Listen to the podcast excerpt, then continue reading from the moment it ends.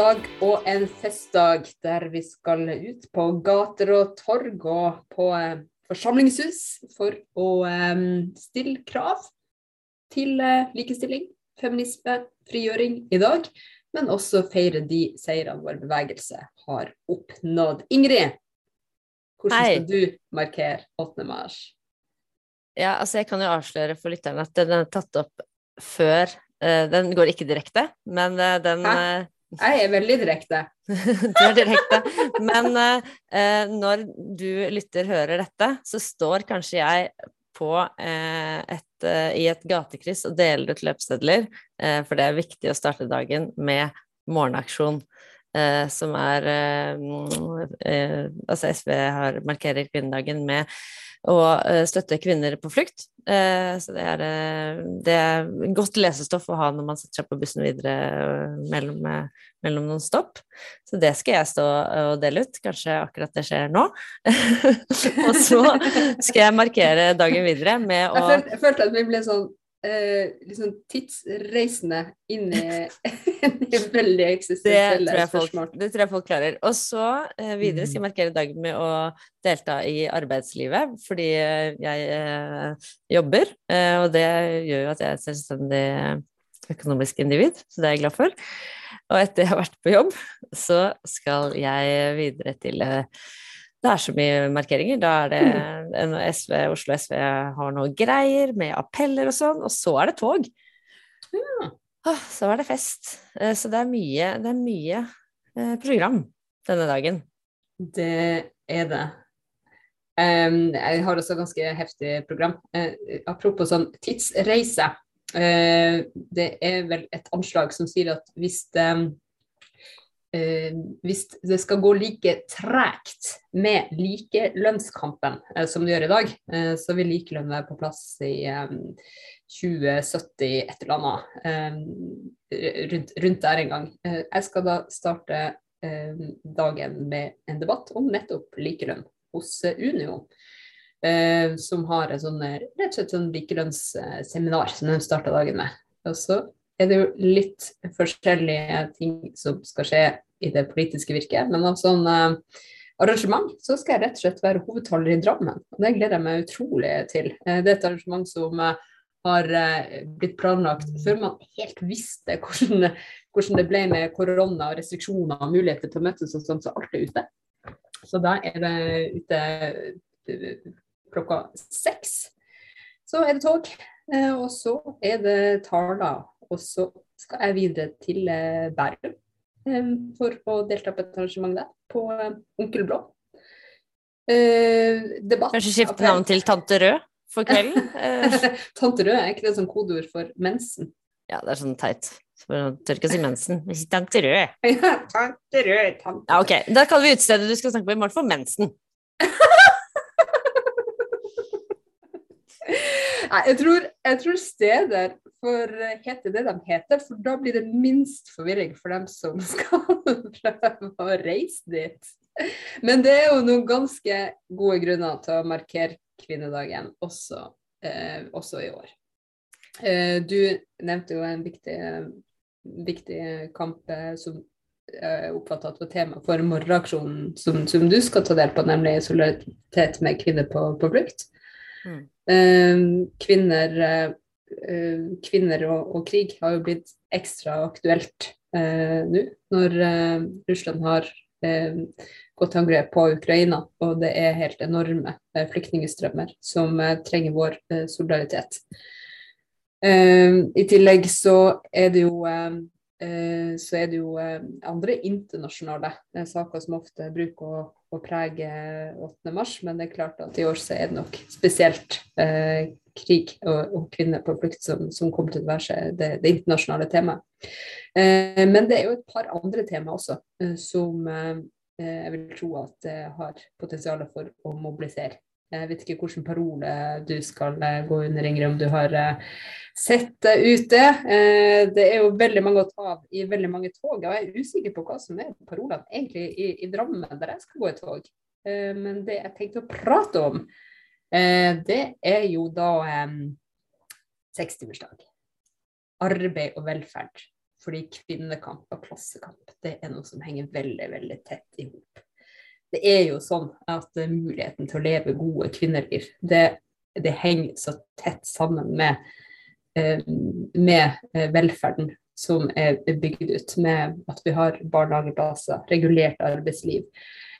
Og så og fødetilbud, og ikke minst eldreomsorg. Altså alt det som gjør at kvinner ikke blir værende med alt av ansvar for, for, omsorg og for at ting skal gå rundt. Vi vet jo at eldre som har døtre, faktisk får mindre hjelp enn eldre som har sønner som nærmeste pårørende. Nå vil jeg korrigere deg, de får ikke mindre hjelp, de får mindre betalt og betalt hjelp av det offentlige. For det er ikke måte på hjelpen de får, de får masse hjelp. Mm. Det var en veldig viktig korrigering. Absolutt. Det det dette handler om. handler om. handler ja. om det ubetalte arbeidet, det usynlige ubetalte arbeidet som kvinner gjør, både som mødre og søstre og døtre og nieser og alt vi er. Alt vi er og alt vi ikke er, dette kvinnelivet. Um, så derfor så er det, det er viktig. Og så er det jo så er det jo det er jo, det er jo ikke sånn at vi kan si sånn Og så kommer vi dit, og så er vi ferdig. Sånn vi, vi skal jo videre. Det er jo ikke det er jo ikke sånn at det er en sånn eh, seier, en full kvinnefrigjøring som er innenfor rekkevidde. Eh, og mange plasser så vet at både seksuelle og reproduktive rettigheter, bare for å bruke det folkelige begrepet på abort og retten til å bestemme over egen kropp, også er, er tema. jeg tenker jo også Eh, at samtykkelov eh, kommer til å være en eh, viktig grunn til å markere dagen for å få pressa frem fortgang og arbeid når det gjelder samtykkelov. Mm. Og du var jo inne på i sted at uh, dette skal vi få likelønn, og det skal skje i den farten som skjer nå, så er det uh, i 2070. Men det for å arrestere deg igjen, så vil jeg jo også påpeke noe som, som ble sagt veldig godt av uh, professor i statsvitenskap Hege Skeie, som, som, har forsket mye på, på likestillingsspørsmål. Hun var veldig opptatt av en sånn eh, fortelling og litt sånn feilslutning som vi ofte har når vi snakker om likestilling, som, eh, hvor hun, hun påpekte at det, eh, ofte eh, får man følelsen at det, vi sitter alle på det samme likestillingstoget på vei til det samme likestillingslandet. Men uh, det gjør vi jo ikke. Det jo, uh, dette toget kan jo For det første er det jo strengt tatt ikke noe tog, det er en politisk kamp, og det, det, kan, det, kan, stoppe opp mange steder, og ikke minst gå tilbake, som du jo var inne på nå med det som gjelder reproduktive rettigheter. Og det, og det er liksom viktig, viktig mm. å minne om, da. Mm. Det er det, for det er jo på ingen måte en eh, naturlov. Det er jo ikke sånn at det er en naturlig utvikling som sier at vi går i retning av eh, likelønn. Eh, så det er veldig bra at du, at du arresterte meg på det. Men hvis ikke det skjer et større politisk arbeid for å få fortgang, og, man, og, og tempoet holder seg sånn som det har vært de siste åra, så vil vi ikke oppnå likelønn før i 2070. Mm. Var det godkjent, eller følte du for ja, det er greit. Det er greit. Du ser det nye arrestordnet mm. her, eller? Nei, jeg har jo blitt uh, politi siden sist, så ja. Nei, altså mine, mine planer for, de, for sekstimersdagen, holdt jeg på å si, for uh, 8. 8. mars-dagen er sekstimersdagen, ja. Det er helt enig det er en veldig viktig sak å, å løfte fram. En gang til, Ingrid! En gang til. Hva sa du nå? 8. mars-dagen og sekstimersdagen. Så mange tall! Det var veldig mange tall og veldig mange ja. dager. Ja. Nei, men, eh, men eh, det sekstimersdag og kamp for kortere arbeidstid er noe man kan kjempe for eh, året rundt, men jeg er helt enig at det er en ekstra fin ting å kjempe for 8. mars. Eh, og så, så, er det jo ikke sånn at menn ikke Jeg unner jo menn sekstimersdag også, men, men vi ser jo at det er jo ekstra krevende i kvinneyrker å jobbe heltid. Det koster mer for kvinner å jobbe fullt enn det gjør for menn, eh, åpenbart, da, siden det er så mm. mye eh, deltid i kvinneyrker. Så derfor så vil eh, en redefinering av hva heltid er, kunne hjelpe mange kvinner inn i, i fulle og hele stillinger. Mm. Når du sier redefinering av hva heltid er, så tenker du at heltid er sekstimersdag? Mm. Ja, mm. rett og slett. Mm, og det, det, er sant, det har jo vært et kvinnekrav. Uh, alltid. Eh, så er det jo, det er jo Og nå er det jo de kvinnedominerte forbundene og eh, organisasjonene som, som, bringer det frem eh, og, og, og, bærer det eh, i sine, sine faner eh, og krav. og det er jo ikke så rart. Fordi, fordi vi vet at veldig mange sliter med å få tida til å strekke til, men også helsa til å holde. Eh, med å stå i et arbeidsliv eh, som eh, stadig utsettes for de har stadig utsettes for hardere press og mangler kollegaer og, og pauser, pauser, nok. det gjør jo at, at kvinner i større grad risikerer å bli, bli ufør istedenfor å kunne gå av som alderspensjonister. Og det det får meg til å tenke på en ting til, eh, som jeg syns er viktig å mobilisere for på, ehm, på 8. mars. Eh, og det er nemlig eh, kvinner som er minstepensjonister. Fordi det er i all hovedsak kvinnfolk som er det. 86% av alle minstepensjonister er kvinner. Og så er det, så er det et, et, forslag som regjeringa har kommet med som som rett og slett har fått altfor lite oppmerksomhet, eh, og som handler om at eh, eh minstepensjon eh, skal reguleres på en annen måte. Eh, som vil gjøre at, at, kvinner rett og slett, eller kvinner, at alle minstepensjonister vil få mindre utbetalt. og det er jo dypt urimelig og gjør meg fullstendig rasende, fordi det her er jo folk som i stor grad lever i fattigdom fra før. Og når man nå har et forslag på bordet som skal behandles om ikke lenge, der i 2022 vil eh, innebære et kutt på 95 millioner av minstepensjonen, og sånn vil det gå i årene som kommer, så, så syns jeg at det er helt vilt. Ja, fordi at um vi som er i arbeidslivet, vi har jo lønnsforhandlinger gjennom fagforeningene våre der hvor det er tariffavtaler, og, og på andre litt mer sånn, vilkårlige måter der hvor det ikke er det. Uh, mens pensjonistene, de får regulert sin pensjon for hvert år. Og da er det da denne nye måten man skal regulere minstepensjon på, som gjør at de kommer veldig dårlig ut. Og det var vel ikke det det var vel ikke det Hurdalskameratene snakket om da de la fram regjeringsplattformen sin, var det? Nei, fordi der står det jo faktisk at uh, minstepensjonistene skal uh, få mer. At man skal øke minstepensjonen, uh, står det. Det står jo ikke hvor mye eller uh, noe mer forpliktende enn som så, men det står i hvert fall øke. og her er det jo rett, rett å liksom ramle litt av lasset.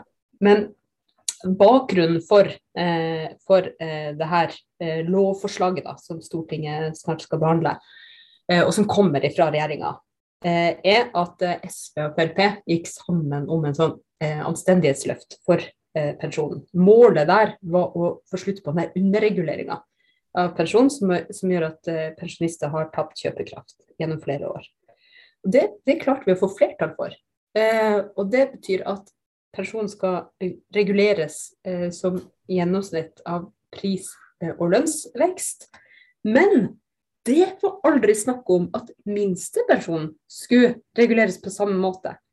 Så når vi da får lovforslaget, så ser vi at her har eh, regjeringa lagt frem et forslag der man helt åpenbart sier eh, svart på hvitt, eller med åpne øyne sier svart på hvitt, at eh, minstepensjonistene vil komme dårligere ut, men likevel tviholder på den måten å, gjøre det.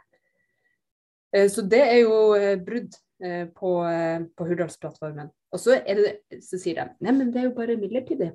Fordi eh, til sommeren så kommer det her utvalget som skal evaluere pensjonsreformen og, og Eh, og har jobba med det en, en, god stund, da kommer de med et, eh, eh en rapport. Eh, da skal de legge frem sitt arbeid.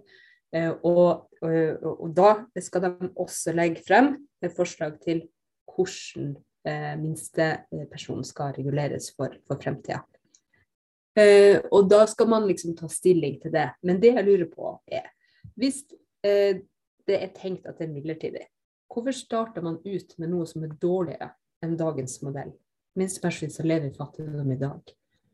Eh, da kan man jo beholde dagens modell frem til eh, utvalget, pensjonsutvalget kommer med, med sine forslag, og så kan man forbedre det. Man trenger jo ikke å gjøre noe verre før det blir bedre. Og det andre er jo at vi har jo en garanti for hva flertallet samler seg om nå, eh, men på ingen måte en garanti om bedring. Og det er én ting som, som eh, all erfaring viser fra de siste årene, så er det jo at det er eh, et stort flertall for å eh, svekke eh, pensjon, men ikke for å styrke det når det kommer til, eh, til stykket. Dette er veldig viktig kvinnesak, for dette handler jo om, rett og slett om ja, penger. og det å, ha, det å slippe å være avhengig av, eh, av både ja, sosialstøtte eller, eller nærmeste familie, eller hva det måtte være. Mm. mm. Så det handler om selvstendighet. Ja, og muligheten til å kunne klare seg, rett og slett. Det er jo, mm. det er jo ene er jo at det er skrekkelig vondt å måtte snu på kronene og, øh, kjenne at nå er det jul, skal barnebarna få julegave, eller skal jeg ha mat? Eh, strømprisene er jo dyr.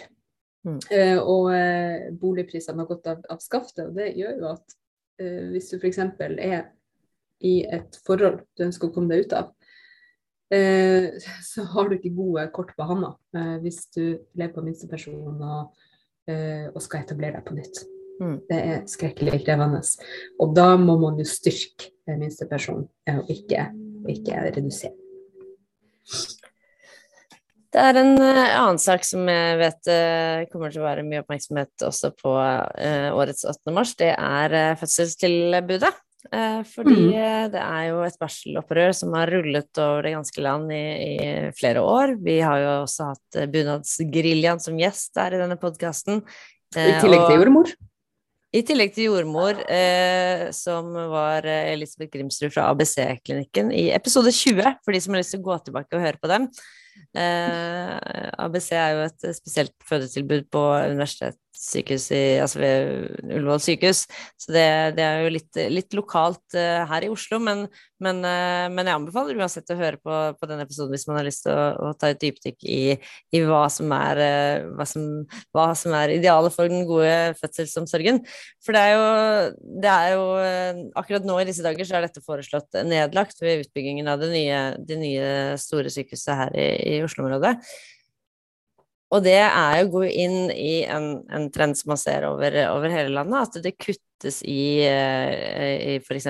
tiden man skal ligge på sykehuset etter man har født, eh, og det kuttes i, i ja, barselomsorg generelt, og det tilbudet som er til, til kvinner. Og det er jo det er jo kanskje det tidspunktet i livet hvor vi er på vårt aller mest eh, sårbare akkurat når vi har født, eller skal føde. Mm. Så det er så det er så, det er så, det er så provoserende, det er så meningsløst, og det er så brutalt eh, å skulle snu på krona på, på de, de, timene der eh, i, i, kvinners liv, da. Eh, og det er så umulig å vite på forhånd hvor lang tid man trenger for å komme seg, eller hvor lett det går å amme, eller hvor fødselsdeprimert man blir, eller om det er liksom bare noen sånn artige blues, eh, barseltårer, eller om det er tunge depresjoner. Altså, dette er jo ikke ting man kan forutse i det hele tatt. Det, og det merker jeg blir sånn fysisk opprørt, fordi dette er jo nettopp det det handler om. Dette er, dette er så kroppslig.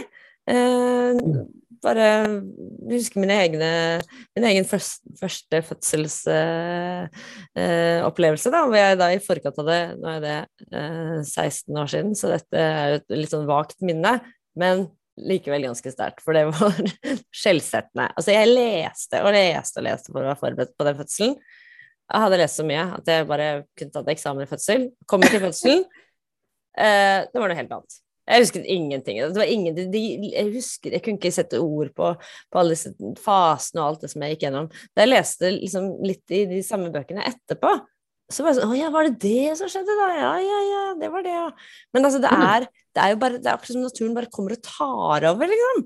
Det er ikke, det er, ikke, det er bare sånn ekstreme eksempler på hvordan teori og, og praksis er, er, helt forskjellige kloder, da. Ja. Mm. Alt det for å si det er sterke følelser i sving, og det er ikke noe rart. Jeg var litt usikker på hvor langt inn i fødselen din vi skulle gå nå. Så jeg var, jeg var helt stille i vente på å vite detaljene.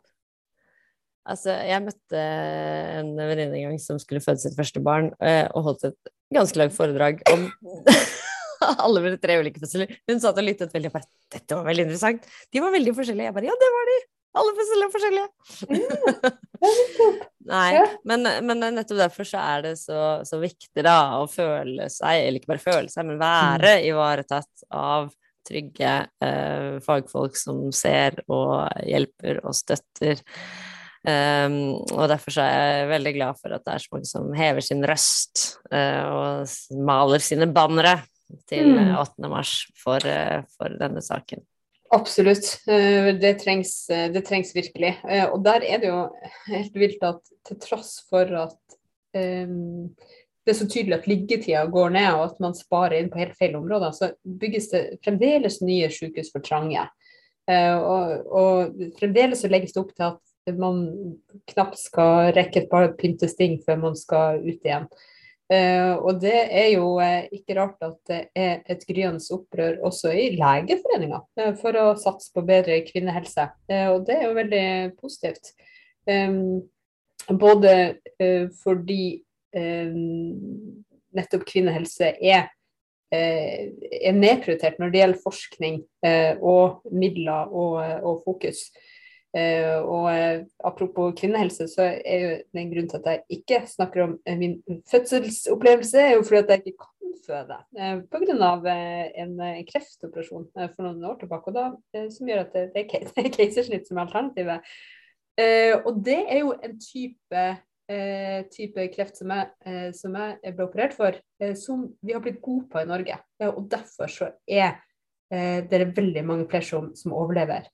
Eh, eh, og det er jo et sånn eh, veldig fint eksempel på hvor konkrete, kon konkrete erfaringer man får, altså hvor, hvor, gode tall man får når det satses helt systematisk på kvinnehelse, på forskning, på å bli, bli god på noe. Eh, og det at eh, Legeforeninga, kvinnebevegelsen eh, med flere er veldig tydelig nå på at det trengs et ordentlig løft, det Eh, er også en del av eh, satsinga vi, vi, må frem. Og i helgen hadde vi årsmøte i Oslo SV, og en av de tingene vi var opptatt av der, var nettopp det å satse på god fødselsomsorg, og, satt, og ikke legge ned denne ABC-avdelingen, f.eks. Og det som er fint i, i, når man løfter dette politisk, da, som vi gjorde i denne uttalelsen, er at det, da legger vi også vekt på at eh, dette handler om politikk. Det handler om de større også politiske innretningene på hvordan vi finansierer eh, sykehusene våre. Eh, som liksom drives etter et sånn bedrifts... Eh, liksom lekebutikkaktig eh, system som gjør at at det Eh, å ja, nei, det er dyrere å la noen ligge her og bli friske enn å eh, bare ja, eh, skrive disse kodene for den og den type behandling osv. Altså det er, det er et veldig innflukssystem mm. som er ganske meningsløst. og og, og, og, på sikt også eh, samfunnsøkonomisk idiotisk, og ikke minst skaper masse unødvendig lidelse og eh, frustrasjon. For nå er du inne på innsatsstyrt finansiering og hele helseforetaksreformspetakkelet eh, som ja. har eh, gjort at eh, sykehusene blir både uh, mer byråkratisk, mindre demokratisk, og at det kuttes egentlig på gulvet blant fagfolk, mm. fordi man må styre etter bedriftsøkonomiske prinsipp. Og det er jo helt ko-ko når vi snakker om helse. Mm. Så det. Så der vi egentlig, har vi på en måte runda hele samtalen om hvorfor 8. mars er viktig, nemlig at vi har individuelle problemer som må løses på systemnivå og gjennom politiske vedtak. Nettopp. Og derfor er det så viktig å eh, dra på arrangement. Eh, fordi at det er da man får satt eh, akkurat eh, det eh, i en politisk sammenheng. For det er så lett å tenke at det er jeg som strever med noe, eller at det er eh, du som eh, sliter med, med, eh, det ene og det andre. Eh, mens eh, det er jo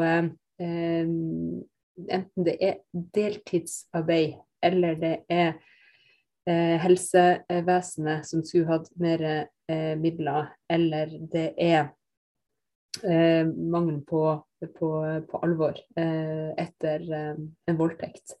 Eh, så er det fellesskapet som kan bringe frem de politiske løsningene som eh, gjør livet bedre. Du Ingrid, du får gå og fikse denne morgenaksjonen din. Absolutt. Mm. God 8. mars! Takk det samme.